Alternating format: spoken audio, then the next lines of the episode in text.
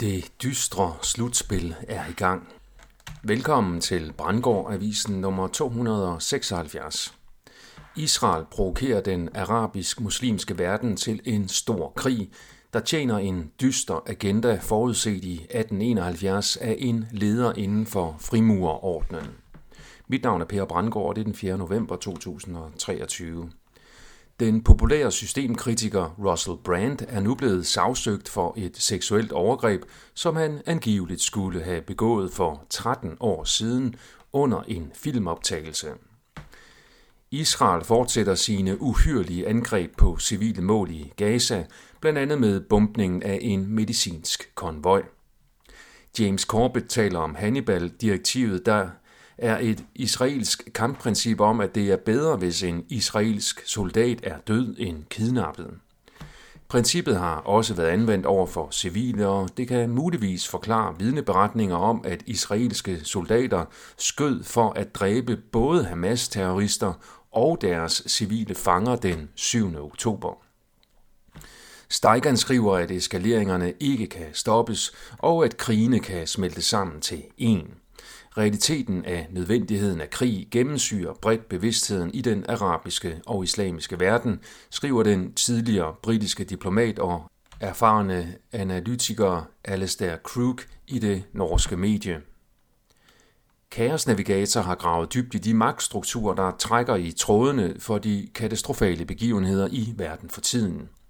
I den forbindelse citerer han den højst rangerende frimurer Albert Pike, der så tidligt som i 1871 udlagde den skjulte plan for verdenserobring via tre verdenskrige.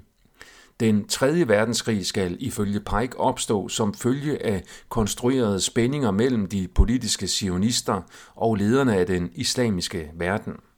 Krigen skal føres på en sådan måde, at islam, den muslimske arabiske verden, og den politiske sionisme gensidigt ødelægger hinanden. Samtidig skal der opstå kaos i de øvrige nationer. Situationen i Gaza går nu hastigt i retning af realisering af den situation. Det strategiske formål er at skabe orden ud fra kaos. Den nye orden ifølge Pike er, at frimurernes hemmelige gud Lucifer vil overtage magten. Det er værd at bemærke, at sionismen ifølge denne teori er en brik i et endnu dybere slutspil om den globale magt. Kaos Navigator har også gravet dybt i 2. verdenskrig og beskriver, hvordan samarbejdet mellem sionister og nazister førte til, at sionisterne fik eksporteret de rigtige jøder fra Tyskland til Palæstina for at opbygge Israel, mens de dårlige jøder blev efterladt til forfølgelse og folkedrab af nazisterne. De rigtige jøder for sionisterne bag konstruktionen af staten Israel var og er frankister.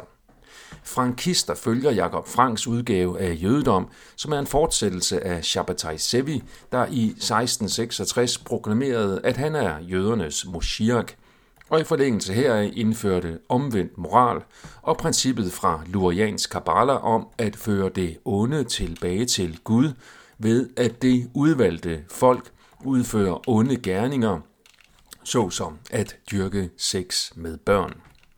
Afsættet var der allerede i jødernes hellige Talmud-bog, den babylonske udgave, der tillader jøder at have sex med små børn. Det underbygges en videre af, at Israel i dag er sikker havn for pædofile med lov, der tillader enhver jøde at vende tilbage. 10.000 vis af pædofile opererer i Israel hvert år.